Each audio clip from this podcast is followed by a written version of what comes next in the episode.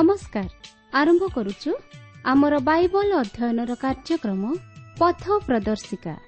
ପବିତ୍ର ବାଇବଲ କହେ ଯଦି ଆମ୍ଭେମାନେ ଆପଣା ଆପଣା ପାପ ସ୍ୱୀକାର କରୁ ତେବେ ସେ ଆମ୍ଭମାନଙ୍କର ପାପ କ୍ଷମା କରିବାକୁ ଓ ସମସ୍ତ ଅଧର୍ମରୁ ଆମ୍ଭମାନଙ୍କୁ ପରିଷ୍କାର କରିବାକୁ ବିଶ୍ୱସ୍ତ ଓ ନ୍ୟାୟବାନ ଅଟନ୍ତି। ଆସନ୍ତୁ ସେହି ଉଦ୍ଧାରକର୍ତ୍ତାଙ୍କର ପରିଚୟ ପାଇବା ନିମନ୍ତେ ଶୁଣିବା ବେତାର କାର୍ଯ୍ୟକ୍ରମ ପଥ ପ୍ରଦର୍ଶିକା।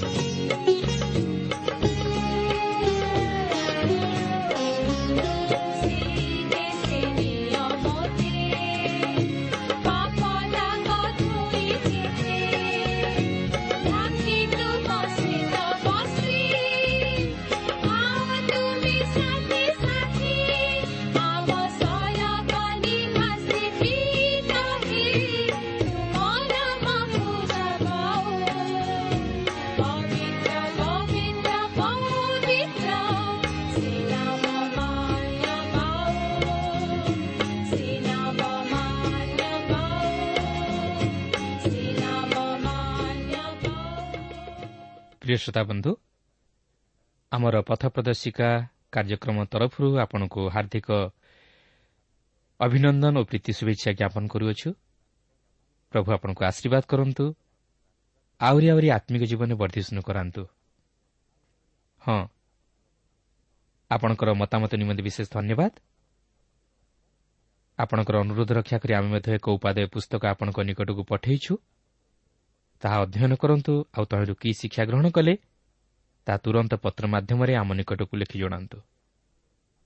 ଆମର ଅନୁରୋଧ ଆପଣ ଏହି କାର୍ଯ୍ୟକ୍ରମ ନିଜେ ଶୁଣିବା ସଙ୍ଗେ ସଙ୍ଗେ ଅନ୍ୟମାନଙ୍କୁ ମଧ୍ୟ ଶୁଣାଇବାରେ ସାହାଯ୍ୟ କରନ୍ତୁ। ତାହେଲେ ଆପଣ ମଧ୍ୟ ପ୍ରଭୁଙ୍କଠାରୁ ଆଶୀର୍ବାଦର ଅଧିକାରୀ ହୋଇପାରିବେ। ଆସନ୍ତୁ ତାହେଲେ ପ୍ରଭୁଙ୍କର ବାକ୍ୟ ମଧ୍ୟକୁ ଯିବା ପୂର୍ବରୁ ସଂକ୍ଷେପରେ ପ୍ରାର୍ଥନା କରିବା।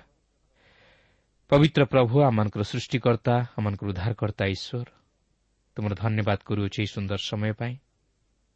ପ୍ରଭୁ ଆମେ ଯେତିକି ସମୟ ଧରି ତୁମର ବାକ୍ୟ ଅଧ୍ୟୟନ ବା ଶ୍ରବଣ କରିବୁ ସେଥିପାଇଁ ତୁମେ ଆମମାନଙ୍କୁ ଧୀର ସ୍ଥିର ଚିତ ଦାନ କର। ଏକ ସରଳ ବିଶ୍ୱାସର ହୃଦୟ ଦିଅ। ଆମମାନଙ୍କର ମନ ମଧ୍ୟରୁ ସମସ୍ତ ପ୍ରକାର ଅବିଶ୍ୱାସ ଓ ସନ୍ଦେହ ଦୂର କରିଦିଅ। ହଁ ପ୍ରଭୁ ତୁମର ବାକ୍ୟ ମଧ୍ୟ ଦେଇ ପ୍ରତ୍ୟେକ ଶ୍ରୋତାବନ୍ଧୁମାନଙ୍କୁ ତୁମେ ଆଶୀର୍ବାଦ କର। ପ୍ରତ୍ୟେକଙ୍କ ସହିତ ତୁମେ କଥା କୁହ। ପ୍ରତ୍ୟେକଙ୍କୁ ତୁମର ପରିଚୟ ଦିଅ। ପ୍ରତ୍ୟେକଙ୍କର ସମସ୍ୟା ତୁମେ ସମାଧାନ କର। ଏହି ସମସ୍ତ ପ୍ରାର୍ଥନା ପ୍ରିୟ ପ୍ରଭୁ ଯୀଶୁଙ୍କ ନାମରେ ମାଗୁଅଛୁ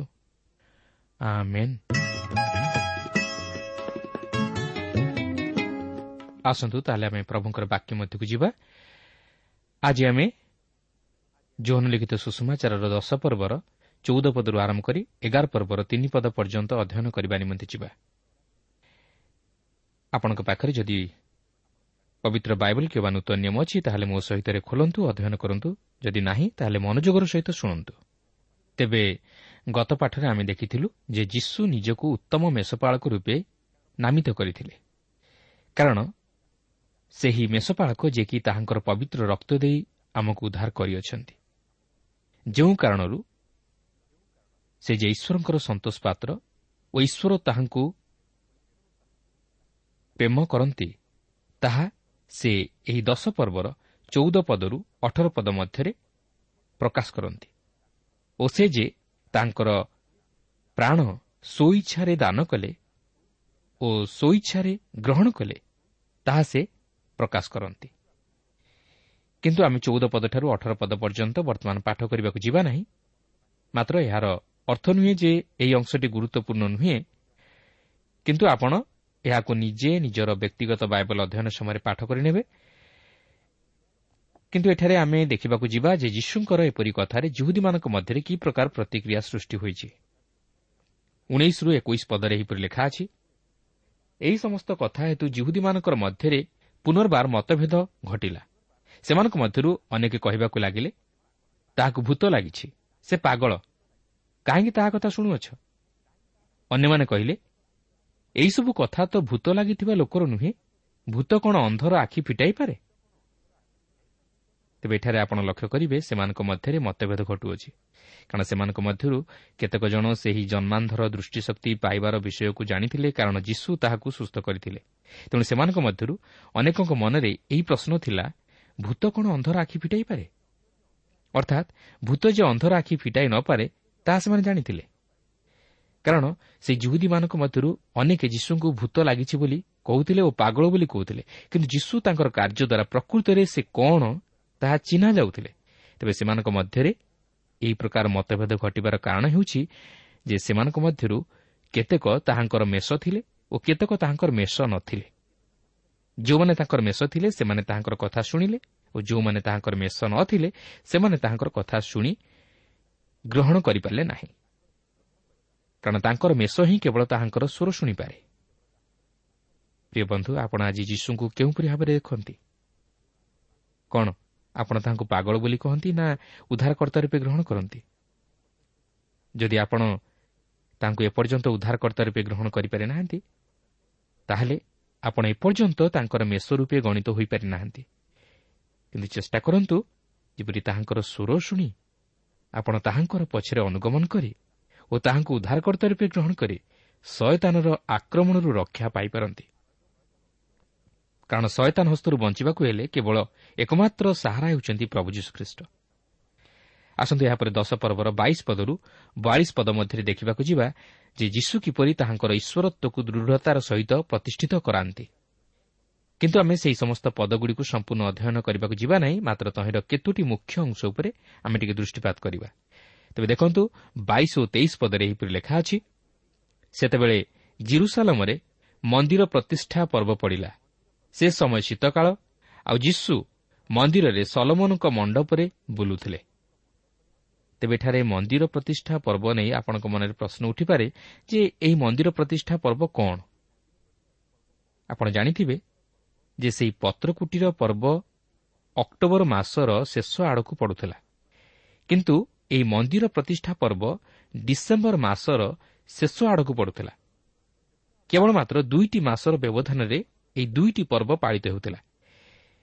ତେବେ ଏହି ମନ୍ଦିର ପ୍ରତିଷ୍ଠା ପର୍ବ ପାଳନ କରିବାର ମୁଖ୍ୟ କାରଣ ଥିଲା ଯେ ଏହି ଜିରୁସାଲମ ମନ୍ଦିରକୁ ଜୁଡାସ୍ ମାକାବିୟସ୍ ଖ୍ରୀଷ୍ଟପୂର୍ବ ଶହେ ସତଷଠିରେ ଆନ୍ତିଅଖସ୍ ଏପିଫାନିସ୍ଙ୍କ ହସ୍ତରୁ ଉଦ୍ଧାର କରିଥିଲେ ଯେ କି ମନ୍ଦିରକୁ କଳୁଷିତ କରିଦେଇଥିଲେ। ସେହି କାରଣରୁ ସେହି ସମୟଠାରୁ ଏହି ମନ୍ଦିର ପ୍ରତିଷ୍ଠା ପର୍ବ ପ୍ରଭୁ ଯୀଶୁଙ୍କ ସମୟ ପର୍ଯ୍ୟନ୍ତ ପାଳିତ ହୋଇ ଆସୁଥିଲା। ଏବଂ ଏହା ଶୀତକାଳ ଥିଲା। ଆଉ ଏହି ସମୟଠାରୁ ଅର୍ଥାତ୍ ଏହି ମନ୍ଦିର ପ୍ରତିଷ୍ଠା ପର୍ବର ସମୟଠାରୁ ପ୍ରଭୁ ଯୀଶୁ ତାଙ୍କର ଇସ୍ରାଏଲ୍ ଜାତି ସହିତ କଥାବାର୍ତ୍ତା କରିବାକୁ ଆରମ୍ଭ କଲେ। ଆପଣ ଦେଖନ୍ତୁ ଜୋହନ ସୁଷମାଚାରରେ ଏହି ସମୟଠାରୁ ଯୀଶୁ ତାଙ୍କର ନିଜ ଲୋକମାନଙ୍କ ସହିତ କଥାବାର୍ତ୍ତା କରି ଶିକ୍ଷା ଦେବାକୁ ଲାଗିଲେ। ଏହି ସମୟରେ ସେ ମନ୍ଦିର ମଧ୍ୟକୁ ଯାଇନଥିଲେ ମାତ୍ର ସଲମନଙ୍କ ମଣ୍ଡପରେ ବୁଲୁଥିଲେ ଯାହାକି ଅନ୍ୟ ଜାତିର ଲୋକମାନଙ୍କ ନିମନ୍ତେ ରଖାଯାଇଥିଲା ଯେଉଁମାନେ କି ଇସ୍ରାଏଲ୍ ଜାତିର ଅନ୍ତର୍ଭୁକ୍ତ ନଥିଲେ ଆଉ ଏହି ସମୟ ଶୀତକାଳ ଥିଲା। ତେବେ ଦେଖନ୍ତୁ ଏହିପରି ସମୟରେ କ'ଣ ଘଟିବାକୁ ଯାଉଅଛି। ଚବିଶ ପଦରେ ଲେଖା ଅଛି ସେଥିରେ ଜିହୁଦୀମାନେ ତାହାଙ୍କୁ ଚାରିଆଡ଼େ ଘେରି ପଚାରିବାକୁ ଲାଗିଲେ ଆଉ କେତେ କାଳ ଆମମାନଙ୍କୁ ସନ୍ଦେହରେ ରଖିବ? ଯଦି ତୁମେ ଖ୍ରୀଷ୍ଟ ତାହେଲେ ଆମମାନଙ୍କୁ ସ୍ପଷ୍ଟ ରୂପେ କୁହ। ଦେଖନ୍ତୁ ସେ ସେହି ମନ୍ଦିରରେ ସଲମନଙ୍କ ମଣ୍ଡପରେ ବୁଲୁଥିବା ସମୟରେ ପୁନର୍ବାର ଯୁହୁଦୀମାନଙ୍କର ସହିତ ସମ୍ମୁଖାସମ୍ମୁଖି ହେଉଛନ୍ତି। କିନ୍ତୁ ଯୁହୁଦୀମାନେ ଯେ ବାସ୍ତବରେ ତାହାଙ୍କ ବିଷୟରେ ଜାଣିନଥିଲେ ତାହା ନୁହେଁ। ମାତ୍ର ସେମାନେ ଯୀଶୁଙ୍କ କଥାରେ ବିଶ୍ୱାସ କରୁନଥିଲେ। ଦେଖନ୍ତୁ ସେମାନେ ଯୀଶୁଙ୍କୁ ଏପରି ପ୍ରଶ୍ନ କରୁଅଛନ୍ତି ସତେ ଯେପରି ଯୀଶୁ ସେମାନଙ୍କୁ ତାହାଙ୍କ ନିଜ ବିଷୟରେ ପରିଷ୍କାର ଭାବେ ଜଣାଇ ନାହାନ୍ତି? ମାତ୍ର ସେ ତାହାଙ୍କର ସେହି ମସିହତ୍ୱକୁ ସେମାନଙ୍କ ନିକଟରେ ପରିଷ୍କାର ଭାବେ ଜଣାଇଥିଲେ। କିନ୍ତୁ ସେମାନେ ବିଶ୍ୱାସ କରୁନଥିଲେ। ମାତ୍ର ସେମାନଙ୍କ ମଧ୍ୟରୁ ଅନେକ ତାହାଙ୍କଠାରେ ବିଶ୍ୱାସ କରି ତାହାଙ୍କୁ ଗ୍ରହଣ କରିଥିଲେ। ତେବେ ଦେଖନ୍ତୁ ସେ ସେମାନଙ୍କ ନିକଟରେ ବର୍ତ୍ତମାନ ତାହାଙ୍କର ମସିହତ୍ୱକୁ ପ୍ରକାଶ କରିବାକୁ ଯାଉଅଛନ୍ତି। ପଚିଶ ଓ ଛବିଶ ପଦରେ ଏହିପରି ଲେଖା ଅଛି ଯୀଶୁ ସେମାନଙ୍କୁ ଉତ୍ତର ଦେଲେ ମୁଁ ତୁମମାନଙ୍କୁ କହିଅଛି କିନ୍ତୁ ତୁମେମାନେ ବିଶ୍ୱାସ କରୁନାହ। ମୋର ପିତାଙ୍କ ନାମରେ ମୁଁ ଯେଉଁ ଯେଉଁ କର୍ମ କରୁଅଛି ସେହିସବୁ ମୋ ବିଷୟରେ ସାକ୍ଷ୍ୟ ଦେଉଅଛି କିନ୍ତୁ ତୁମେମାନେ ବିଶ୍ୱାସ କରୁନାହ। କାରଣ ତୁମେମାନେ ମୋହର ପଲର ମେଷ ନୁହଁ। ଦେଖନ୍ତୁ ଯୀଶୁ ସେମାନଙ୍କୁ କହନ୍ତି ଯେ ତାହାଙ୍କର ମସିହତ୍ୱର ପ୍ରମାଣ ତାହାଙ୍କର କାର୍ଯ୍ୟରୁ ପ୍ରତିପାଦିତ ହୁଏ। କିନ୍ତୁ ତୁମେମାନେ ବିଶ୍ୱାସ କରୁନାହ ଯେହେତୁ ତୁମେମାନେ ମୋହର ପଲର ମେଷ ନୁହଁ। ବାସ୍ତବରେ ସେମାନଙ୍କ ନିକଟରେ କୌଣସି ପ୍ରମାଣ ବାକି ରହିନଥିଲା। ତାଙ୍କର ଶିକ୍ଷା କାର୍ଯ୍ୟ ଓ ଜୀବନ ତାଙ୍କର ମସିହତ୍ୱକୁ ପ୍ରମାଣିତ କରିଥିଲା। ମାତ୍ର ସେମାନଙ୍କର ଅବିଶ୍ୱାସ ହୃଦୟ ହେତୁ ସେମାନେ ତାହାଙ୍କୁ ଗ୍ରହଣ କରିନଥିଲେ। ତେବେ ଏପରି କାହିଁକି ଘଟିଲା? ଯେହେତୁ ସେମାନେ ତାହାଙ୍କ ପଲର ମେଷ ନଥିଲେ। ମାତ୍ର ତାହାଙ୍କଠାରେ ବିଶ୍ୱାସ କରୁଥିବା ମେଷମାନଙ୍କ ବିଷୟ ନେଇ ସେ ଏହିପରି ପ୍ରକାଶ କରନ୍ତି ଯାହାକି ସତେଇଶରୁ ତିରିଶ ପଦରେ ଲେଖା ଅଛି। ମୋ ମେଷ ସବୁ ମୋହର ସ୍ୱର ଶୁଣନ୍ତି ଓ ମୁଁ ସେମାନଙ୍କୁ ଜାଣେ ଆଉ ସେମାନେ ମୋହର ପଛେ ପଛେ ଚାଲନ୍ତି। ପୁଣି ମୁଁ ସେମାନଙ୍କୁ ଅନନ୍ତ ଜୀବନ ଦିଏ ଆଉ ସେମାନେ କଦାପି କେବେ ହିଁ ବିନଷ୍ଟ ହେବେ ନାହିଁ। ପୁଣି କେହି ମୋ ହସ୍ତରୁ ସେମାନଙ୍କୁ ହରଣ କରିବ ନାହିଁ। ମୋର ପିତା ମୋତେ ଯାହା ଦେଇଅଛନ୍ତି ତାହା ସବୁଠାରୁ ବହୁମୂଲ୍ୟ ଆଉ ପିତାଙ୍କ ହସ୍ତରୁ କେହି ତାହା ହରଣ କରିପାରେ ନାହିଁ। ମୁଁ ଓ ପିତା ଏକ। ଏହି ଅଂଶରେ ଲକ୍ଷ୍ୟ କରିବେ ସେ ଯେ ସେହି ମସିହ ତାହା ପ୍ରକାଶ କରନ୍ତି। ସେ ଯେ ସେହି ଖ୍ରୀଷ୍ଟ ଅର୍ଥାତ୍ ଈଶ୍ୱରଙ୍କ ଅଭିଯୁକ୍ତ ବ୍ୟକ୍ତି ତାହା ପ୍ରକାଶ କରନ୍ତି। ସେ କହନ୍ତି କେବଳ ଯେଉଁମାନେ ତାହାଙ୍କ ପଲର ମେଷ ସେମାନେ ହିଁ ତାହାଙ୍କ ସ୍ୱର ଶୁଣନ୍ତି ଓ ତାହାଙ୍କୁ ଜାଣନ୍ତି ଓ ତାହାଙ୍କ ପଛରେ ଗମନ କରନ୍ତି। ଆଉ ସେ ସେମାନଙ୍କୁ ଅନନ୍ତ ଜୀବନ ପ୍ରଦାନ କରନ୍ତି। ଯେଉଁ ଜୀବନ କି କେବେ ହେଲେ ବିନଷ୍ଟ ହୁଏ ନାହିଁ ତାହା ଅନନ୍ତକାଳ ପର୍ଯ୍ୟନ୍ତ ରହିଥାଏ। ଏହା କିଛି ସମୟ ପର୍ଯ୍ୟନ୍ତ ନୁହେଁ ବା କିଛି କାଳ ପର୍ଯ୍ୟନ୍ତ ନୁହେଁ ମାତ୍ର ଅନନ୍ତ କାଳ ପର୍ଯ୍ୟନ୍ତ ରହିଥାଏ। ଏଥିନିମନ୍ତେ ସେମାନଙ୍କୁ କିଛି ପରିଶ୍ରମ କରିବାକୁ ପଡ଼େ ନାହିଁ କି ଅର୍ଥ ଦେଇ କିଣିବାକୁ ପଡ଼େ ନାହିଁ। ମାତ୍ର ଏହା ଈଶ୍ୱରଙ୍କର ଅନୁଗ୍ରହର ଦାନ ଯାହାକି ସେ ପ୍ରଭୁ ଯୀଶୁଖ୍ରୀଷ୍ଟଙ୍କ ମାଧ୍ୟମରେ ପ୍ରଦାନ କରନ୍ତି। କିନ୍ତୁ ଯେତେବେଳେ ସେ କହନ୍ତି ଯେ ସେମାନେ କଦାପି ବିନଷ୍ଟ ହେବେ ନାହିଁ ବୋଲି ସେତେବେଳେ ସେ କହିବାକୁ ଚାହାନ୍ତି ଯେ ସେହି ଅନନ୍ତ ଜୀବନ କଦାପି ବିନଷ୍ଟ ହେବ ନାହିଁ। ଜଣେ ବିଶ୍ୱାସୀ ସେହି ଜୀବନ ପ୍ରାପ୍ତ ହେବା ପରେ କେବେ ହେଲେ ତାହା ତାହାଠାରୁ ହରଣ କରାଯିବ ନାହିଁ।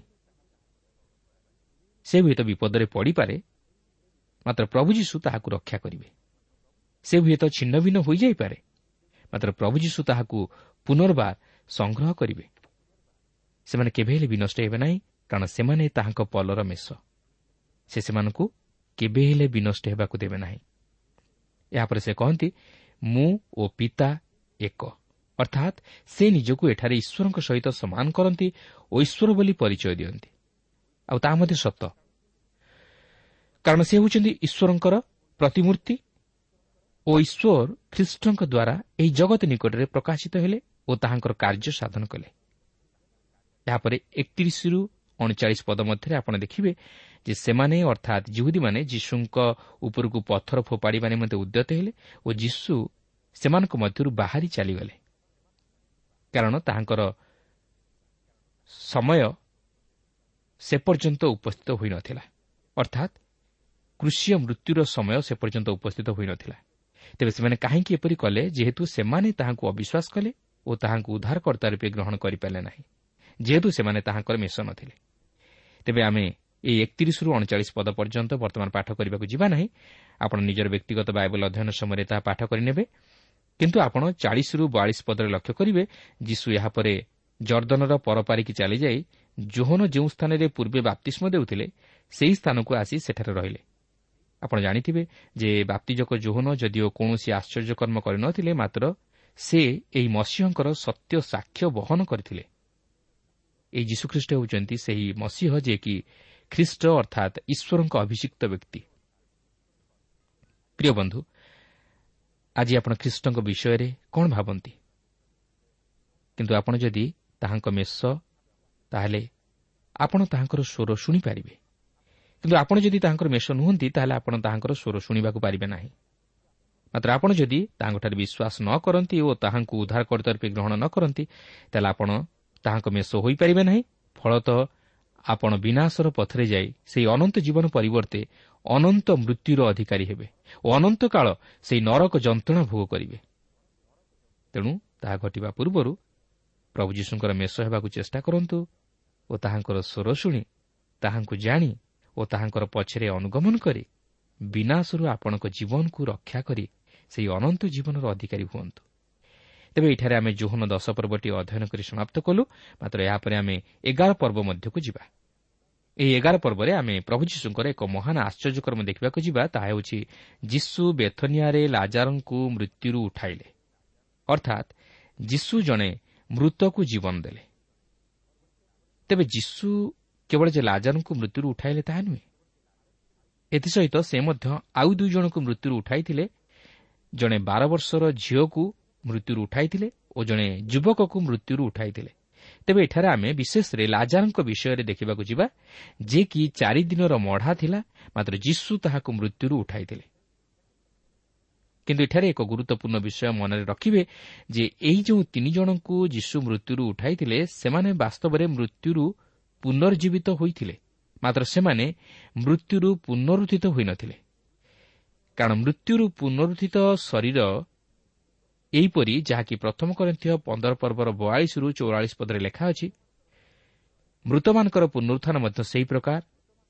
କ୍ଷୟରେ ବୁଣାଯାଏ ଅକ୍ଷୟ ହୋଇ ଉତ୍ଥିତ ହୁଏ ଅନାଦରରେ ବୁଣାଯାଏ ଗୌରବାନ୍ୱିତ ହୋଇ ଉତ୍ଥିତ ହୁଏ ଦୁର୍ବଳତାରେ ବୁଣାଯାଏ ସବଳ ହୋଇ ଉତ୍ଥିତ ହୁଏ ପ୍ରାକୃତିକ ଶରୀର ବୁଣାଯାଏ ଆତ୍ମିକ ଶରୀର ଉତ୍ଥିତ ହୁଏ। ଯଦି ପ୍ରାକୃତିକ ଶରୀର ଅଛି ତେବେ ଆତ୍ମିକ ଶରୀର ସୁଦ୍ଧା ଅଛି। ତେଣୁକରି ଆପଣ ଦେଖନ୍ତୁ ଏହି ତିନି ଜଣ ଲୋକ ଯଦିଓ ମୃତ୍ୟୁରୁ ଉଠାଯାଇଥିଲେ ମାତ୍ର ସେମାନେ ସେହି ଗୌରବମୟ ଶରୀରରେ ଉତ୍ଥିତ ହୋଇନଥିଲେ। ତାହା ହୋଇଥିଲେ ଯୀଶୁ ଲାଜାରକୁ ମୃତ୍ୟୁରୁ ଉଠାଇବା ପରେ କହିନଥାନ୍ତେ ଏହାର ହାତ ଓ ପାଦର ବନ୍ଧନ ଫିଟାଇ ଚାଲିବାକୁ ଦିଅ। କାରଣ ସେ ଯେଉଁପରି ଭାବରେ ସମାଧିପ୍ରାପ୍ତ ହୋଇଥିଲା ସେହିପରି ଭାବରେ ମୃତ୍ୟୁରୁ ଉଠିଥିଲା। କିନ୍ତୁ ମୃତ୍ୟୁରୁ ପୁନରୁତ୍ଥାନ ସେ ପ୍ରକାର ନୁହେଁ।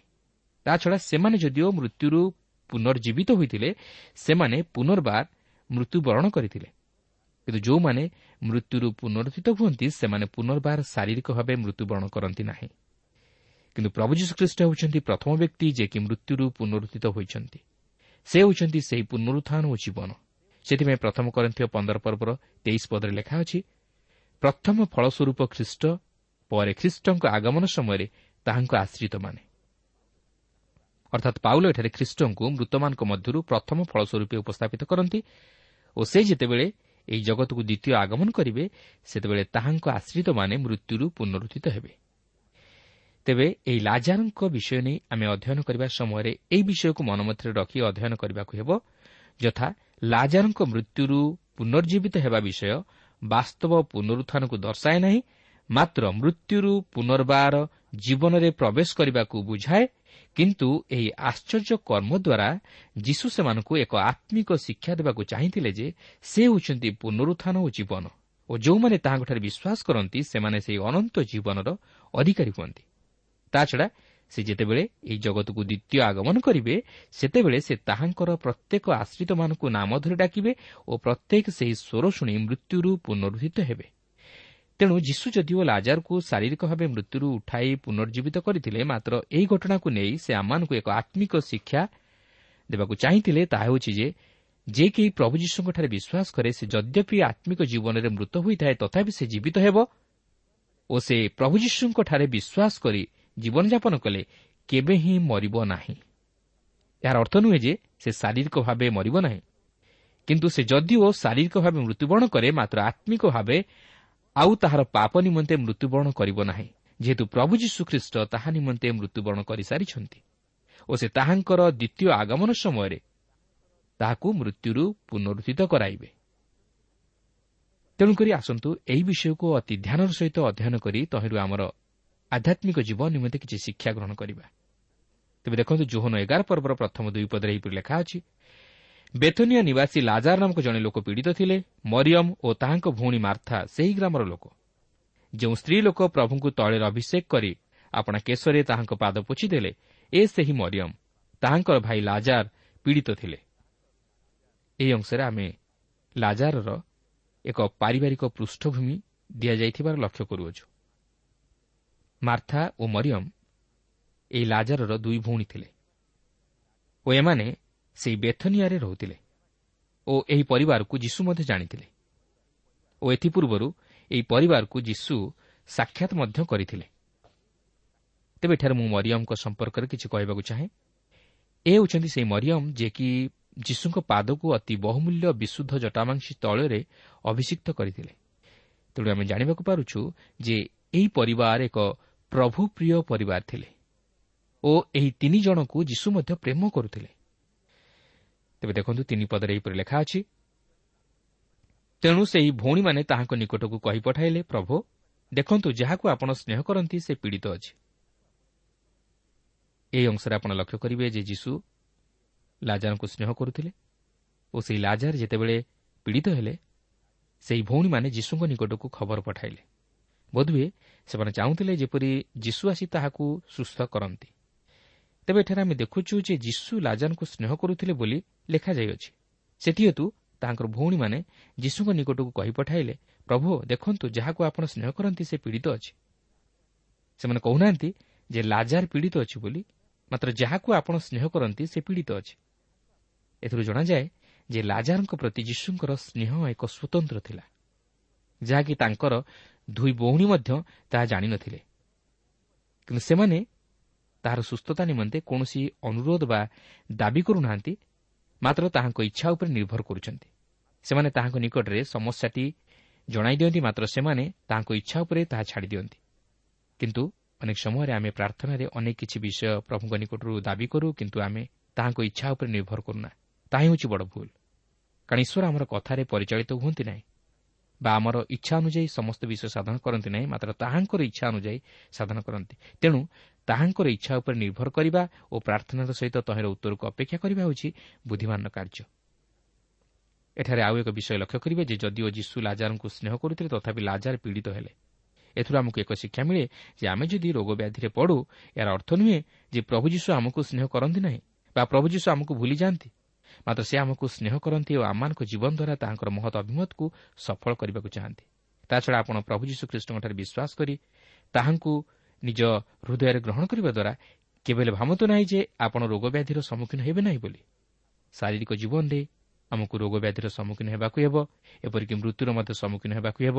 ମାତ୍ର ଏହି ସମସ୍ତ ମଧ୍ୟରେ ମଧ୍ୟ ପ୍ରଭୁ ଯୀଶୁଙ୍କର ସ୍ନେହ ଆମ ପ୍ରତି ଉଣା ହୋଇନଥାଏ ମାତ୍ର ଆମମାନଙ୍କ ଜୀବନରେ ଯାହା କିଛି ଘଟେ ତାହା ଆମମାନଙ୍କର ମଙ୍ଗଳ ନିମନ୍ତେ ଘଟେ। ଯଦି ଆମର ଜୀବନ ପ୍ରଭୁ ଯୀଶୁଖ୍ରୀଷ୍ଟଙ୍କ ସହ ସଂଯୁକ୍ତ ଥାଏ। ପ୍ରିୟ ବନ୍ଧୁ ପ୍ରଭୁ ଯୀଶୁ ଯେ ଆପଣଙ୍କୁ ସ୍ନେହ କରନ୍ତି ଏହା କେବେ ଆପଣ ଅନୁଭବ କରିପାରିଛନ୍ତି କି? ଯଦି ଆପଣ ଆଜି ତାହାଙ୍କଠାରେ ବିଶ୍ୱାସ କରନ୍ତି ତାହେଲେ ଆପଣ ତାହାଙ୍କର ସେହି ସ୍ନେହ ଓ ପ୍ରେମର ପରିଚୟ ପାଇପାରିବେ। ପ୍ରଭୁ ଆମ ପ୍ରତ୍ୟେକଙ୍କୁ ଆଶୀର୍ବାଦ କରନ୍ତୁ।